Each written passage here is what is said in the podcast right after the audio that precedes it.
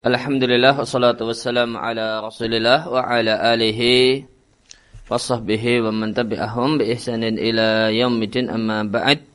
Kaum muslimin dan muslimah peserta kajian Jumat pagi Musalla Al-Ikhlas Sendawa rahimani wa rahimakumullah. Kembali kita lanjutkan kajian dalam topik Tarbiyatul Aulad, pendidikan anak dari kitab Fikhu Tarbiyatil Abna karya Syekh Mustafa Ibn Al-Adawi hafizahullahu taala. Kemarin ter, uh, terakhir kita baca hadis Jibril dan tentang adab Jibril ketika duduk di hadapan Nabi Sallallahu Alaihi Wasallam. Ya, saya Mustafa Al-Adawi di catatan kaki mengatakan yakni ana Jibrila wada'a yadaihi ala fakhidai nafsihi. Artinya Jibril itu meletakkan dua tangannya, dua telapak tangannya pada dua pahanya sendiri.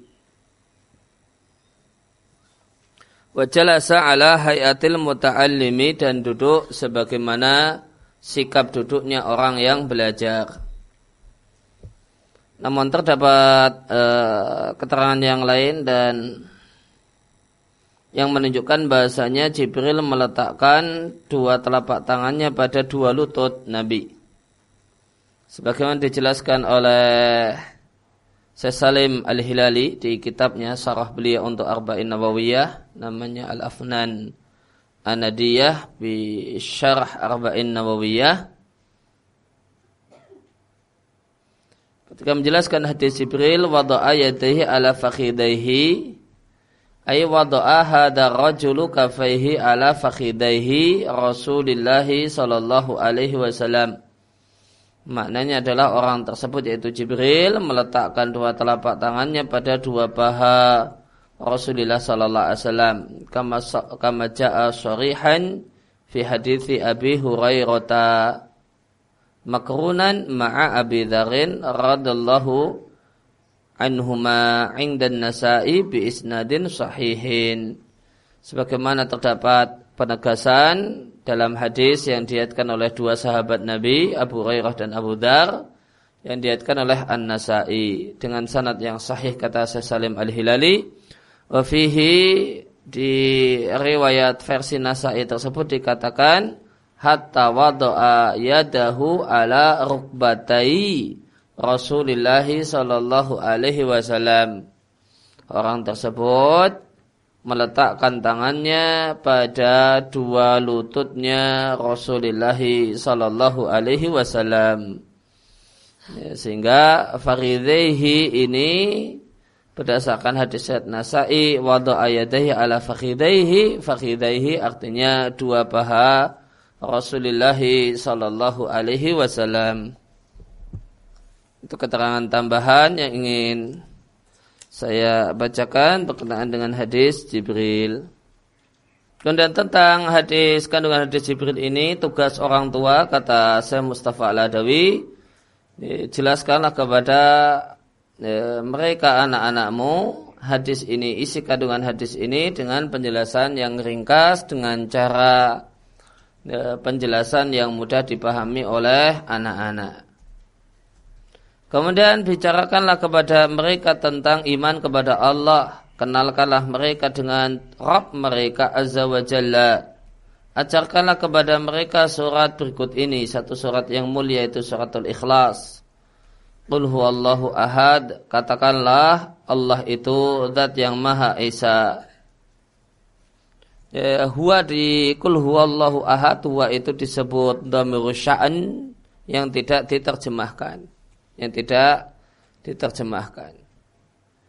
Maka terjemahnya katakanlah wahai Muhammad sallallahu alaihi wasallam Allah itu zat yang esa Allahus samad dia adalah zat yang sempurna sifat-sifatnya dan jadi tempat bergantung seluruh makhluknya. Tidak melahirkan tidak dilahirkan dan tidak ada ahadun satupun yang kufuan sekufu yaitu setara lahu dengan Allah Subhanahu wa taala. kabarkan kepada anak-anak ya, kabarkan kepada anak-anak dan ajarilah mereka bahasanya Allah Tuhan kita itu Esa tidak memiliki sekutu tidak memiliki sekutu dalam memiliki jagat raya dan tidak ada di samping Allah adanya sesembahan yang lain yang kedua. Bahkan seandainya di langit dan di bumi itu terdapat banyak sesembahan maka langit dan bumi akan rusak sebagaimana firman Allah taala. Kul katakanlah laukana ma'ahu seandainya bersama Allah itu terdapat banyak sesembahan sebagaimana yang mereka katakan idan jika demikian tentu para sesembahan-sesembahan ini akan mencari jalan ila dil arsy kepada Allah zat pemilik arsy dan Allah katakan di surat Al-Jin, "Matarada sahibata wala walada." Allah tidaklah memiliki istri. Oleh karena itu wala walada dia tidak memiliki anak. Dan bagaimanakah dia memiliki anak padahal dia tidak memiliki istri? Wal la ilaha illa huwa. Dia Allah adalah zat yang maha hidup dengan hidup yang sempurna hidup yang tidak diawali dengan ketiadaan dan tidak di, akan diakhiri dengan kematian. Ya.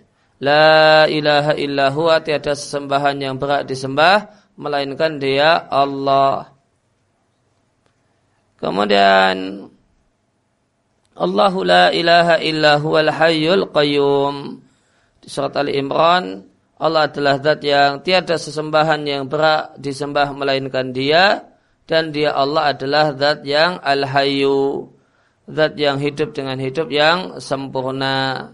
Dan di balik nama al-hayyu terkumpul semua ya, sifat zat sifat zatiyah. Ya, al-qayyum dan dia adalah zat yang mengurusi dirinya sendiri dan yang mengurusi makhluknya. Dan di balik al-qayyum terkandung semua sifat fi'liyahnya Allah Subhanahu wa taala. Maka tentu sifat Allah itu ada yang berupa perbuatan, memberi rezeki, kemudian melahir, uh, mematikan, menghidupkan, ya, mengatur jagat raya, ya, menakdirkan ini dan itu. Ya, maka ini adalah perbuatan-perbuatan Allah atau dalam bahasa Arab disebut sifat datiyah dan ini semua ya, terkandung di balik al-qayyum. Karena dia Allah zat yang mengurusi dirinya sendiri dan mengurusi makhluknya ya, tanpa bantuan siapa pun. Kemudian uh, ada sifat-sifat yang disebut dengan datiyah, sifat yang sejak dulu melekat pada Allah tanpa awal eh, mendengar, melihat, mengetahui dan seterusnya. Dan itu semua tercakup dalam al-hayyu, zat yang memiliki zat yang hidup dan memiliki hidup yang sempurna. Hidup yang sempurna adalah kuasa, memiliki kuasa kuat, mendengar, melihat, mengetahui dan seterusnya. Oleh karena itu maka Al-Hayyu dibalik nama Allah Al-Hayyu tercakup semua sifat zat Allah Subhanahu wa taala. Dan sifat zat artinya sifat yang melekat pada Allah sejak dulu tanpa awal. Kemudian dibalik Al-Qayyum terdapat semua sifat fi'liyah, semua perbuatan-perbuatan Allah Subhanahu wa taala. Kemudian di surat Toha la ilaha illa huwa wasi'a kulla ilma. Tiada sembahan yang berhak disembah melainkan dia. Wasi'a kulla syai'in ilma. Ilmu Allah meliputi segala sesuatu. Artinya Zat yang layak untuk dijadikan sesembahan adalah zat yang di antara syaratnya ilmunya meliputi segala sesuatu. Kalau dia nah, ilmunya tidak meliputi segala sesuatu, dia tidak mengetahui, ya, maka dia tidak layak dan tidak berhak untuk disembah. Maka ada ada dia di masa silam disebutkan ada dialog dengan orang ateis, orang yang ingkar Tuhan, dan dia ya ter, pernah terjadi satu dialog dengan orang yang ingkar Tuhan. Maka orang tersebut mengatakan ya, orang yang ingkar Tuhan ini di dalam dialog tersebut mengatakan saya juga bisa mencipta. Saya juga bisa mencipta. Ya, maka akhirnya dia ambil daging dia letakkan dalam toples selama seminggu atau kurang lebih setelah itu. Ini, maka terdapat sana banyak ah, belatung ya terdapat banyak belatung. Nah ini saya menciptakan belatung. Nah, saya bisa menciptakan belatungan. Nah, tinggal saya ginikan. Nah, maka terciptalah banyak belatung. Maka lawan debatnya mengatakan Ya, kalau betul engkaulah yang menciptakan belatung, tolong sebutkan kepadaku berapa jumlah belatung yang ada dalam daging tersebut. Ya. Berapa jumlahnya? Kalau engkau tahu, nah, engkau layak untuk menganggap dirimu sebagai pencipta. Nah, ya, engkau layak untuk menganggap dirimu sebagai pencipta. Engkau tahu jumlahnya maka bungkamlah dia. Kalau jumlahnya demikian banyak dan dia tidak tahu.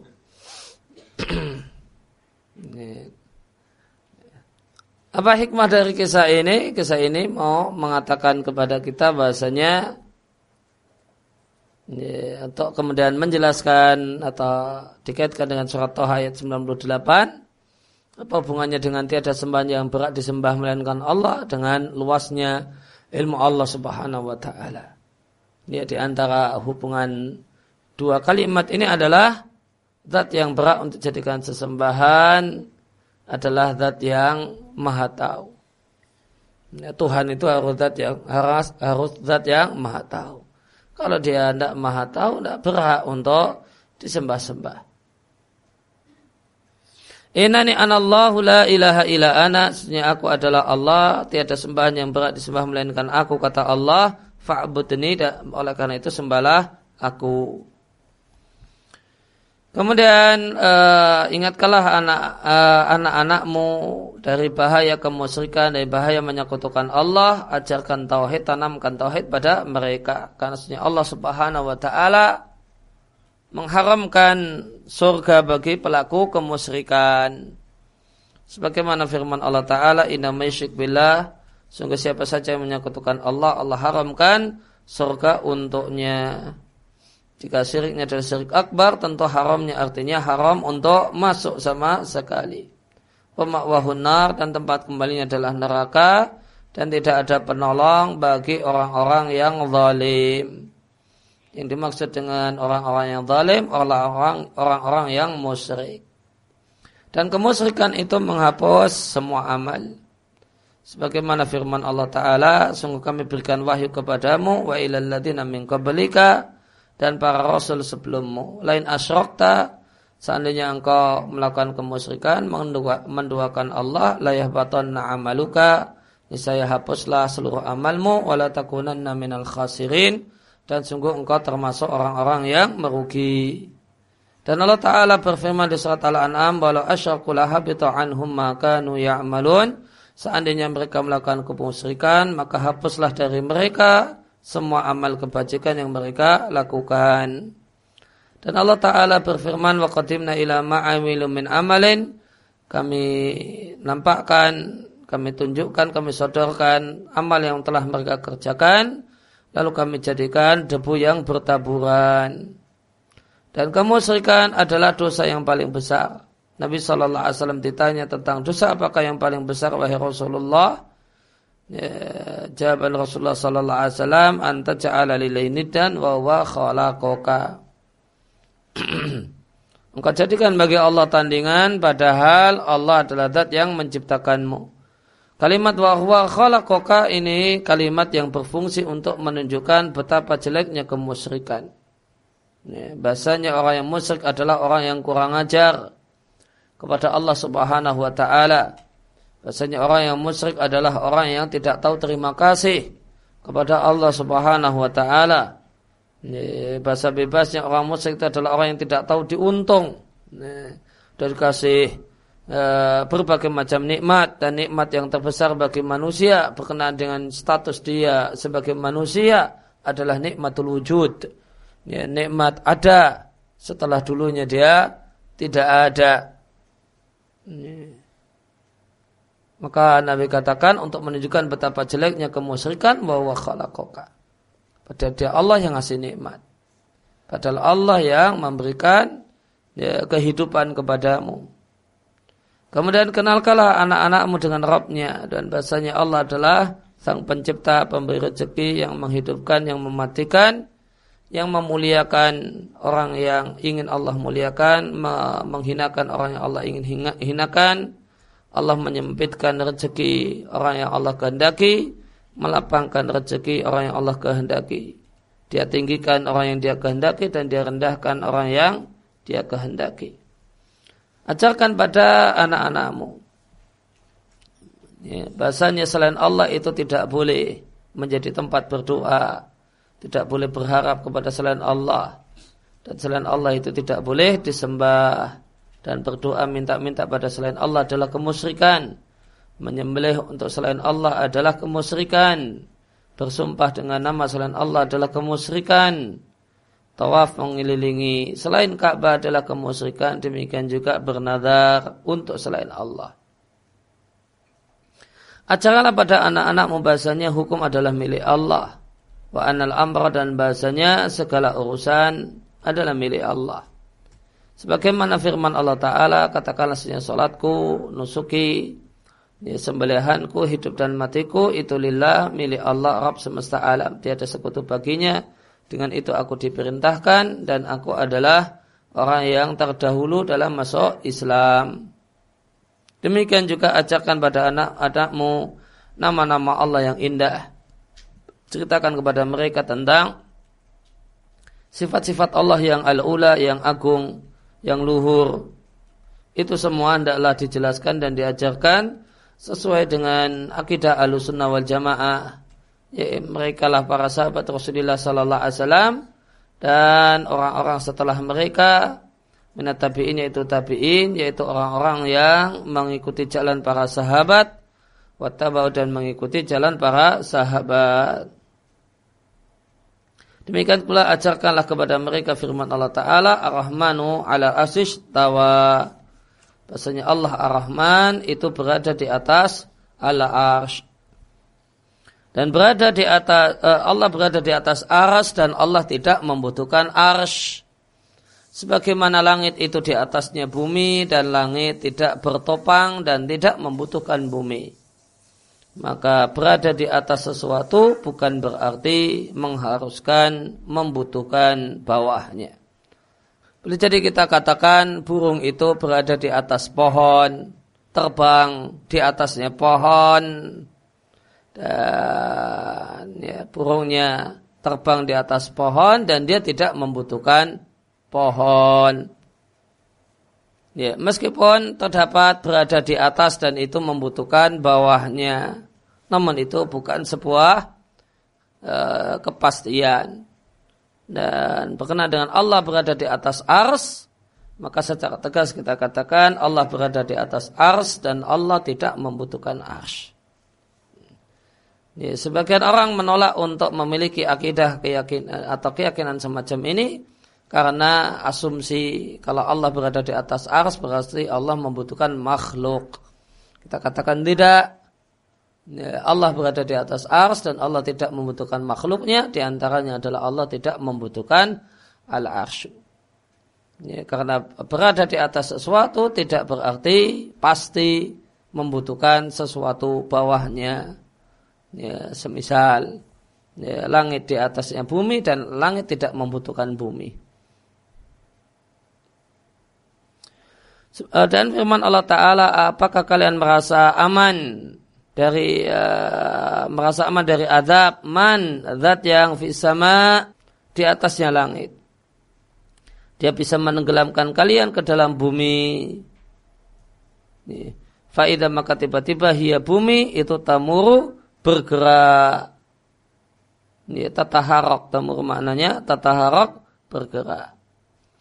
Dan yang dimaksud dengan fisama di sini boleh diartikan dengan dua pengertian. Amin tuman fisama dalam artian fauqos sama. Karena zat Allah itu tidak di dalamnya langit, namun tidak, namun di atasnya langit. Allah zat Allah itu di atasnya langit. Maka fis sama artinya fauqas sama. Atau ala sama. Apakah kalian merasa aman dengan Allah yang zat dia itu di atasnya langit? Namun boleh juga sama di sini kita maknai dengan makna bahasa yaitu asumuwu. Sehingga fisamai artinya fisumuwi. Yang artinya dan sumu artinya atas. Apakah kalian merasa aman dari adab zat yang di atas sana? Zat yang di atas sana. Kalian merasa aman dia menimpakan azab berupa Allah tenggelamkan kalian ke dalam bumi. Dan firman Allah Ta'ala ilaih hanya kepada Allah naiklah kata-kata yang baik. Adapun kata-kata yang buruk maka tidak akan naik dilaporkan kepada Allah. Dan hadis seorang wanita eh, budak wanita yang ditanya oleh Rasul Sallallahu Alaihi Wasallam di manakah Allah maka wanita tersebut mengatakan fisama dan fisama di sini dimaknai dengan dua makna yang tadi telah kita sampaikan untuk surat Al-Mulk. Bisa artinya fauqas samai dan boleh juga diartikan fissumuwi. Faqala li sayyidiha lalu Nabi berkata kepada pemiliknya yaitu Ma'awiyah ibn Hakam As-Sulami radhiyallahu anhu atiqha merdekakanlah budakmu ini karena dia adalah budak yang beriman. Maka berdasarkan hadis ini tidak boleh dimerdekakan budak itu tidak boleh dimerdekakan kecuali jika dia budak yang beriman. Karena fa di sini fa li ta'lil menunjukkan alasan menunjukkan alasan diperbolehkannya atau diperintahkannya memerdekakan budak. Demikian juga jelas kalau semua keyakinan-keyakinan ahlu sunnah wal jamaah namun sama karena dialog dengan anak maka biuslub bin sahlin dengan gaya bahasa yang mudah muyasarin yang mudah bisa dipahami oleh anak dan bisa diterima oleh anak ceritakanlah kepada mereka tentang malaikat bahasanya mengimani malaikat itu sebuah kewajiban dan percaya dengan adanya malaikat lazimun sebuah keniscayaan dan tidaklah akan terwujud iman kecuali dengan hal tersebut. Dan bahasanya mereka-mereka para malaikat adalah hamba-hamba Allah yang dimuliakan. Mereka berstasbih malam dan siang, layaf turun, tidak pernah futur. Mereka tidaklah sombong untuk taat kepada Allah, tidak sombong dan menolak untuk beribadah kepada Allah. Bahkan mereka adalah musyfiqun, makhluk-makhluk yang merasa takut min khasyatihi terhadap Allah Subhanahu wa taala. Dan ajarkan dan ceritakan pada anak bahasanya malaikat itu tercipta dari uh, tercipta dari cahaya dan bahasanya lahum mereka memiliki amalun sejumlah tugas yang mereka laksanakan khairokiyamin dengan sebaik-baik pelaksanaan. Mereka tunaikan dengan sebaik-baik penunaian. Ada malaikat yang tugasnya untuk memikul arsh. Di antara malaikat ada yang jadi rusul. Rusul maknanya sufara, penghubung antara Allah dengan para nabi. Di antara mereka ada al-hafadah wal katabah yang menjaga dalam artian katabah mencatat amal-amal manusia. Mereka lah yang yusajiluna merekam dan mencatat amal-amal hamba, kemudian mencatatnya dan yuhsunaha dan mencatatnya. Ada juga malaikat yang bertugas malakul maut yang bertugas untuk mencabut nyawa pada saat yang telah berakhir ajal seorang hamba. Ada juga berada uh, berdasarkan hadis tentang kisah dakwah Nabi di Taif kita jumpai ada malaikat gunung ada malaikat yang ya ngurusi gunung malakul jabal atau malakul jibal. Ya, maka yang ngurusi gunung itu malaikat dan bukan ya, jin ini jin itu yang beroksa gunung. Ya, jin Bah Petro yang beroksa gunung Merapi. Tidak demikian. Dasarkan hadis ya yang pas adalah itu ada malaikat Kemudian uh, terdapat malaikat yang bertugas untuk ngurusi dan menggiring mendung. Ada juga malaikat yang tugasnya menghadiri majelis-majelis zikir, majelis-majelis ilmu. Ada juga malaikat yang tugasnya meng, uh, ikut menghadiri salat, ya, salat berjamaah, ya, ya, salat berjamaah terutama salat subuh dan asar. Demikian juga wal jumat, salat Jumat. Ya, kemudian ada juga malaikat yang bertugas menguatkan dan menolong orang-orang yang beriman saat perang dengan izin Allah. Dan membuat ketenangan pada orang-orang yang beriman. Dan memberikan kabar kepada eh, ada juga malaikat yang memberikan kabar gembira kepada orang-orang yang beriman ketika mereka hendak meninggal dunia. Ada juga malaikat yang bertugas untuk menyiksa orang-orang kafir ketika mereka ketika dia mengeluarkan nyawanya Lalu malaikat ini naik dengan membawa nyawa-nyawa tadi ke langit. Ada juga malaikat yang bertugas menanyai manusia di alam kuburnya. Demikian juga ada malaikat yang bertugas berdoa mohonkan ampun kepada orang-orang yang beriman dan mendoakan orang yang beriman agar masuk surga. Ada juga malaikat yang ya, tugasnya adalah rozanatu uh, jannati penjaga uh, surga yang populer ya disebutlah ketua dari malaikat penjaga surga dengan sebutan malaikat Ridwan namun dari sisi uh, hadis hadis-hadis tentang nama malaikat Ridwan adalah hadis yang daif. Peminum dan di antara mereka ada malaikat yang merupakan rozanatun nar, penjaga neraka dan yang namanya Malik berdasarkan ayat Al-Quran. Dan malaikat penjaga neraka mereka adalah keras dan kasar. Ya, atau kasar dan keras. Mereka tidak pernah durhaka kepada Allah. Dan mereka melakukan apa yang Allah perintahkan pada mereka. Dan bahasanya malaikat itu tidaklah masuk rumah yang ada padanya anjing ataupun gambar yang terlarang. Dan bahasanya malaikat tastami'u li tilawatil Quran itu mendengarkan orang yang baca Al-Quran dan kegiatan-kegiatan yang lainnya yang diserahkan kepada pihak kepada mereka para malaikat.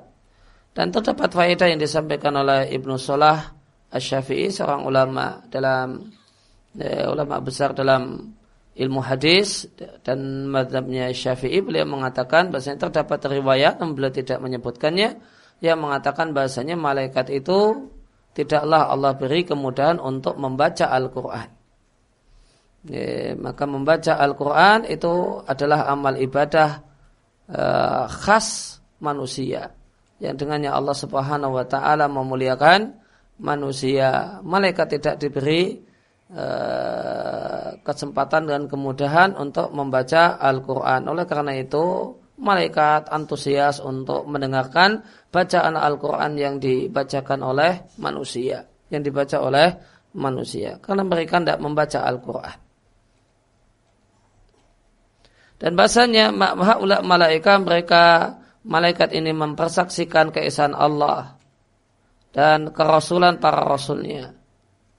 Mereka loyal dengan para para kekasih Allah dengan memberikan pertolongan dan penguatan dengan izin Allah. Dan bahasanya mereka para malaikat itu tidak berjenis kelamin perempuan, tidak sebagaimana anggapan orang-orang yang kafir wal iftirak dan orang-orang yang membuat kebohongan yaitu orang musyrik Arab yang mereka berkeyakinan bahasanya malaikat itu jenis kelaminnya perempuan ya, dan mereka adalah anak-anak perempuannya Allah. Ya, kemudian keyakinan orang musyrik Arab ini kemudian diwarisi oleh orang-orang Barat ya, sehingga mereka menganggap bahasanya angel itu ya, wanita cantik. Wa anaha dan bahasanya mereka mereka para malaikat memberikan syafaat untuk orang yang beriman dan memiliki tauhid pada hari kiamat. Akan tetapi mereka tidak bisa memberikan syafaat kecuali untuk orang-orang yang Allah izinkan. Adanya syafaat baginya sebagaimana firman Allah taala dan betapa banyak min malakin malaikat di langit. La turni syafaatum syafaatnya tidaklah bermanfaat syai'an sedikit pun kecuali setelah Allah izinkan. Untuk siapa saja yang Allah kehendaki dan Allah ridai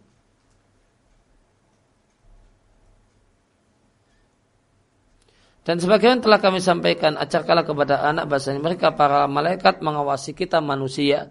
Mencatat ya, alaina a'malana amal-amal kita. Mencatat apa yang kita ucapkan berupa berbagai macam ucapan. Sebagaimana firman Allah Ta'ala. Mayalfidhu min qawlin tidak ada satupun perkataan yang terucap kecuali di dekatnya ada malaikat pengawas dan selalu hadir. Dan sebenarnya Allah memilih di antara mereka para malaikat. Ada malaikat yang istimewa, Allah istimewakan sebagai utusan. Ya, utusannya Allah, contohnya adalah Jibril alaihi salam.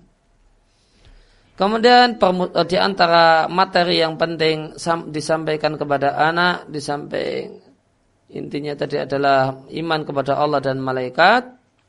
Maka poin penting yang lain kurikulum silabus yang penting uh, untuk dipikirkan bagaimanakah menyampaikannya kepada anak adalah mengajarkan tentang ada waktu syaitan, permusuhan setan kepada manusia. Maka jelaskanlah kepada anak-anakmu, jelaskan pada mereka permusuhan setan kepada manusia dan mereka. Maka setanlah yang mengeluarkan dan mengusir nih, bapak ibu kita itu Adam dan Hawa dari surga dan dia berupaya sungguh-sungguh untuk mengeluarkan semua anak keturunan Adam dari surga. Oleh karena itu maka Allah telah mengingatkan kita dari bahaya setan sebagaimana firman Allah Subhanahu wa taala, "Wahai anak keturunan Adam, janganlah setan itu menggoda kalian." Jangan sampai demikian sebagaimana setan telah mengusir dua orang tua kalian dari surga. Setan mencabut dari keduanya pakaian keduanya Liriyahuma supaya setan melihatkan memperlihatkan pada keduanya aurat keduanya. Ingatlah bahasanya setan itu ya rakum melihat kalian huwa wa qabiluhu dan dan yang sejenis dengan dia yaitu jin di tempat kalian tidak bisa melihatnya. Dan yang dimaksudkan adalah wujud asli. Maka berdasarkan ayat ini innahu yarakum huwa wa qabiluhu min haitsu la kita katakan tidak ada satupun orang yang melihat wujud asli eh, wujud asli, wujud asli jin kecuali para nabi. Adapun ketika dia berubah dengan rupa-rupa yang lain, maka manusia bisa melihatnya sebagaimana Abu Hurairah bisa melihat jin yang atau setan yang mencuri ya, zakatul fitri atau zakatul Ramadan dan yang lain. Inna ja'na syayatin sehingga kami jadikan setan itu pelindung wali bagi orang-orang yang tidak beriman. Dan kabarkanlah kepada anak sampai kalah pada mereka bahasanya setan itu memiliki adalah musuh yang nyata bagi mereka anak-anak. Setan itu tercipta dari api dan bahasanya setan itu ya rona bisa melihat manusia. Huwa setan wa dan yang sejenis dengan dia yaitu jin. Min haitsu la narahum dan kita tidak bisa melihat mereka. Dan ini adalah posisi perang yang ini, pada dasarnya kalah. Ini, posisi manusia dalam peperangannya dengan jin dan setan itu posisi kalah bukan posisi menang bayangkan berhadapan dengan musuh, musuhnya lihat kita, kita tidak bisa lihat musuh. Gimana mau menang? Ini, maka posisinya posisi kalah bukan posisi menang. Nah, posisinya posisi kalah bukan posisi menang. Kalau musuh bisa lihat kita dengan leluasa, saya sudah selesai sudah, habis sudah manusia. Nah, oleh karena itu maka tidak ada yang selamat dari godaan setan kecuali orang yang mendapatkan anugerah Allah Subhanahu wa taala. Karena posisi manusia posisi kalah bukan posisi menang.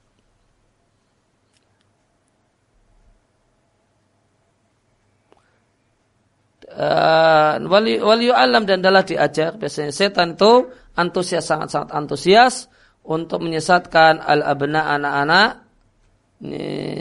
wa itulah sudah menyesatkan mereka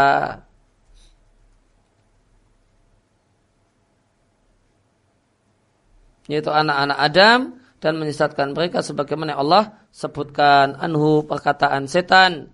Itkal ketika setan mengatakan. Kal iblis berkata kepada Allah, Ara'aitaka ya, kabarkanlah kepadaku wahai Allah, hadalladzi ini Adam alladzi karamta alayya yang engkau unggulkan di atasku dengan kau perintahkan aku untuk bersujud kepadanya Adam. Lain akhartani ila yaumil qiyamah. Sungguh jika engkau memberikan tunda, memberikan tempo yaitu umur yang panjang kepada aku yaitu iblis sehingga hidup sampai hari kiamat niscaya akan aku habisi mereka sampai ke akar-akarnya. Aku akan habisi atau anak keturunannya. Akan aku hancurkan sehancur-hancurnya illa qalila kecuali sedikit saja yang sisa dan selamat. Qal Allah berfirman idhab faman tabi'aka minhum fa inna jahannama jazaukum. Pergilah sana. Maka siapa yang mengikuti wahai iblis minhum dari anak keturunan Adam maka jahanam adalah balasan untuk kalian. Balasan yang maufuran yang sempurna. Istafziz maka tariklah orang-orang yang mampu manusia-manusia yang engkau mampu untuk menariknya dengan suaramu ya, dan yang dimaksud dengan suaramu adalah ya, musik alat musik. Sebagai di tafsir jalan lain. Maka ayat ini di antara dalil haramnya musik. Di antara dalil haramnya musik. Maka musik itu terlarang dasarkan uh, Al-Quran dan hadis Nabi Sallallahu Alaihi Wasallam. Dan di antara hadis tentang dan dalil ayat Al-Quran kita jumpai di surat al, di antaranya di surat Al-Isra ayat yang ya, ayat yang di sini mungkin ayat 63 berarti.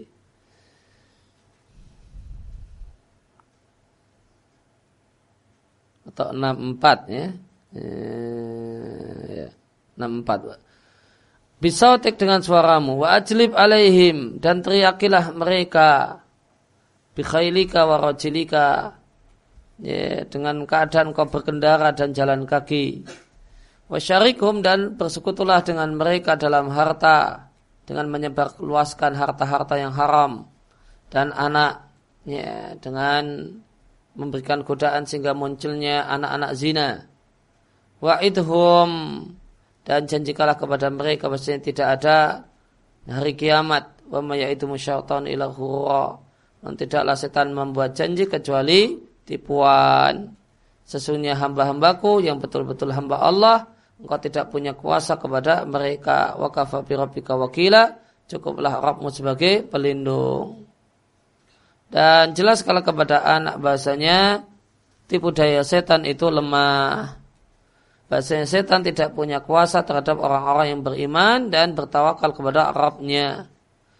Dan sampaikan kepada anak bahasa setan itu lari ketika mendengar suara adzan demikian juga ikomah setan itu tersembunyi wayahtafi dan sembunyi ketika seorang manusia itu mengingat Allah azza wa jalla. Ya, ya. sebagaimana firman Allah di surat An-Nas Ladhi sufi suturin nas eh, Kulang untuk binas malik nas ilahi min syaril waswasil al khannas. Ya, al khannas artinya yang tersembunyi. Orang yang makhluk yang al khannas yang bersembunyi. Tafsiran Ibnu Abbas yang dimaksud dengan al khannas ya, bahasanya setan itu bersembunyi ketika seorang berzikir.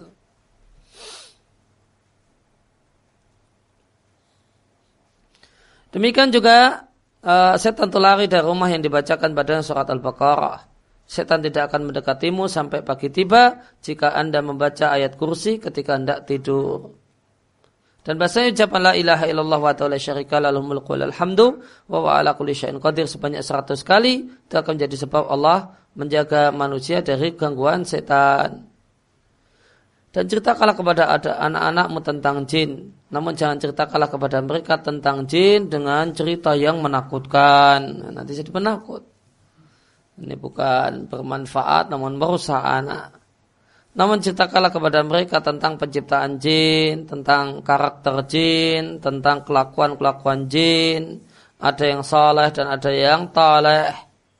Ajarkanlah kepada mereka amalan-amalan perlindungan, bacaan-bacaan perlindungan yang dengannya seorang melindungi diri dari gangguan jin dan setan. Demikian juga di antara silabus penting yang patut untuk diajarkan kepada anak adalah tentang mengimani kitab. Demikian juga kitab-kitab suci. Ceritakan dan sampaikan pada anak anda mau tentang kitab suci. Bahasanya Allah menurunkan kitab suci kepada para rasul.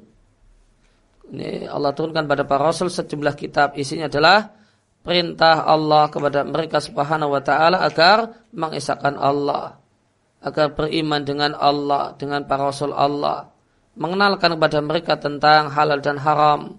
Dalam kitab-kitab suci tersebut terdapat berita maka belahum umat-umat terdahulu dan hukum yang adil di antara mereka dan berita tentang mabadahum setelah mereka. Dalam kitab-kitab suci tersebut terdapat dakwah dan ajaan untuk melakukan segala kebaikan, segala kemaslahatan dan hidayah mengingatkan segala kejelekan, kekafiran dan kesesatan. Dan mengimani kitab-kitab suci ini hukumnya wajib, mengingkarinya adalah kekafiran dan tidak akan keluar dari Islam. Dan di antara kitab-kitab suci yang Allah turunkan adalah Taurat yang Allah turunkan kepada Musa alaihissalam, Injil yang Allah turunkan kepada Isa alaihissalam, dan Al-Quran yang Allah turunkan kepada Nabi kita Muhammad sallallahu alaihi wasallam. Ya.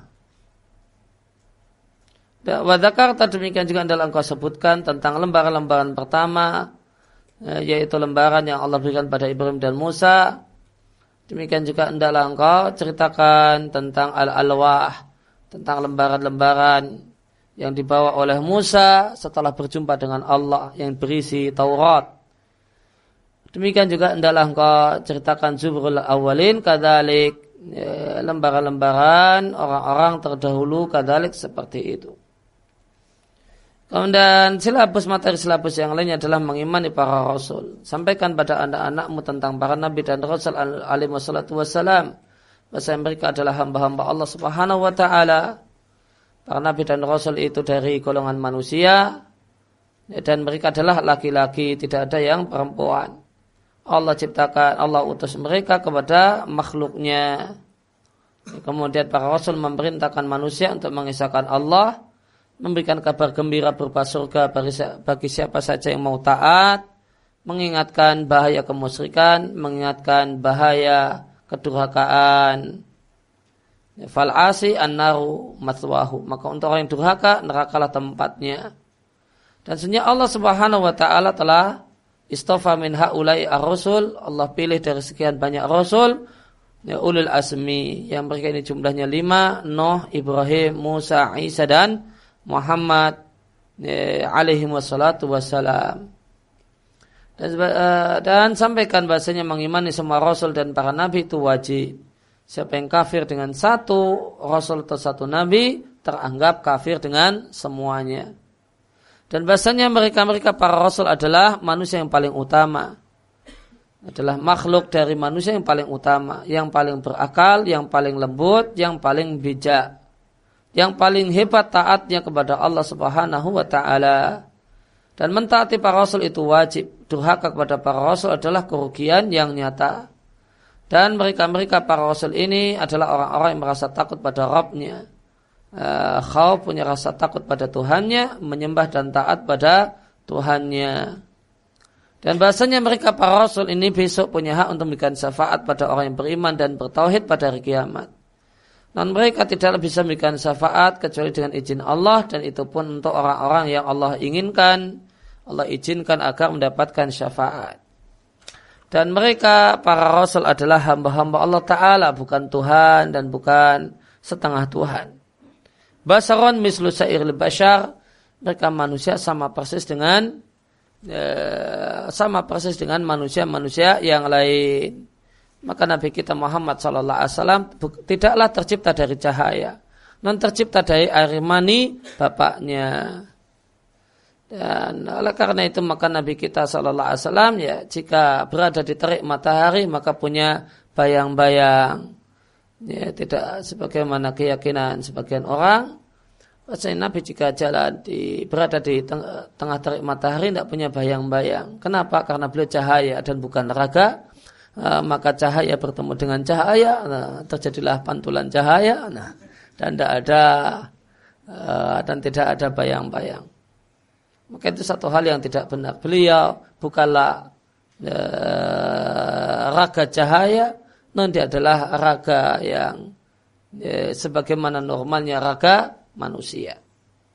Dan bahasanya mereka-mereka para rasul turun kepada mereka para malaikat membawa wahyu dari Allah Subhanahu wa taala. Lalu para rasul ini menyampaikannya pada umatnya atas perintah Allah Azza wa Jal.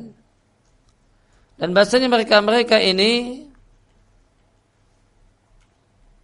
eh, tidaklah punya hubungan dengan Allah, hubungan nasab ataupun hubungan perkawinan. Subhanahu wa ta'ala andalika Farabuna karena Rob kita tidaklah memiliki istri, tidak pula anak. Tidak ada dari mereka yang jadi anaknya Tuhan atau jadi keponakannya Tuhan atau yang lainnya. Dan mereka-mereka para rasul ini tidaklah boleh kita jadikan sebagai tempat untuk berdoa selain Allah. Karena tempat kita berdoa, doa kita hanya tertuju pada Allah Subhanahu wa taala. Dan bahasanya menghormati para rasul memuliakan mereka dan mentaati perintah mereka adalah sebuah kewajiban. Kemudian para rasul mereka bersepakat, mereka Islam mereka bersepakat dalam dakwah mereka dalam satu poin yaitu perintah untuk beribadah pada Allah dan menjadi tauhid dan kemusyrikan. Sebagaimana firman Allah di surat An-Nahl dan sungguh telah kami utus di setiap umat seorang rasul sembahlah Allah dan jadilah tauhid dan firman Allah dan tidaklah kami utus sebelummu min rasulin seorang rasul pun kecuali kami wahyukan kepadanya la ilaha illa ana fa'buduni. Tiada sembahan yang berat disembah melainkan aku maka sembahlah diriku. Dan bahasanya setiap rasul memiliki syariat yang itu mencocoki keadaan kaumnya yang dia diutus di tengah-tengah mereka dan bahasanya orang yang kafir dengan birasulin satu rasul dari mereka mereka para rasul maka ternilai kafir dengan semua rasul. Maka siapa yang mendustakan satu rasul teranggap mendustakan semua rasul. Dan penutup mereka para rasul dan nabi seluruhnya adalah Muhammad sallallahu alaihi wasallam. Tidak ada lagi nabi setelah Muhammad sallallahu wasallamuhu alaihi. Ya demikian yang kita baca kesempatan pagi hari ini. Di kesempatan yang akan datang kita masih bahas silabus materi yang ya, wajib diberikan dan disampaikan kepada anak yang pada dasarnya ini adalah kewajiban orang tua maka anakmu anakmu bukan kewajiban sekolah ya namun kewajiban orang tua demikian wasallallahu ala nabiyina Muhammadin wa ala alihi wasallam wa alhamdulillahi rabbil alamin Subhanaka Allahumma wa bihamdika asyhadu an la ilaha illa anta astaghfiruka wa atubu ilaik.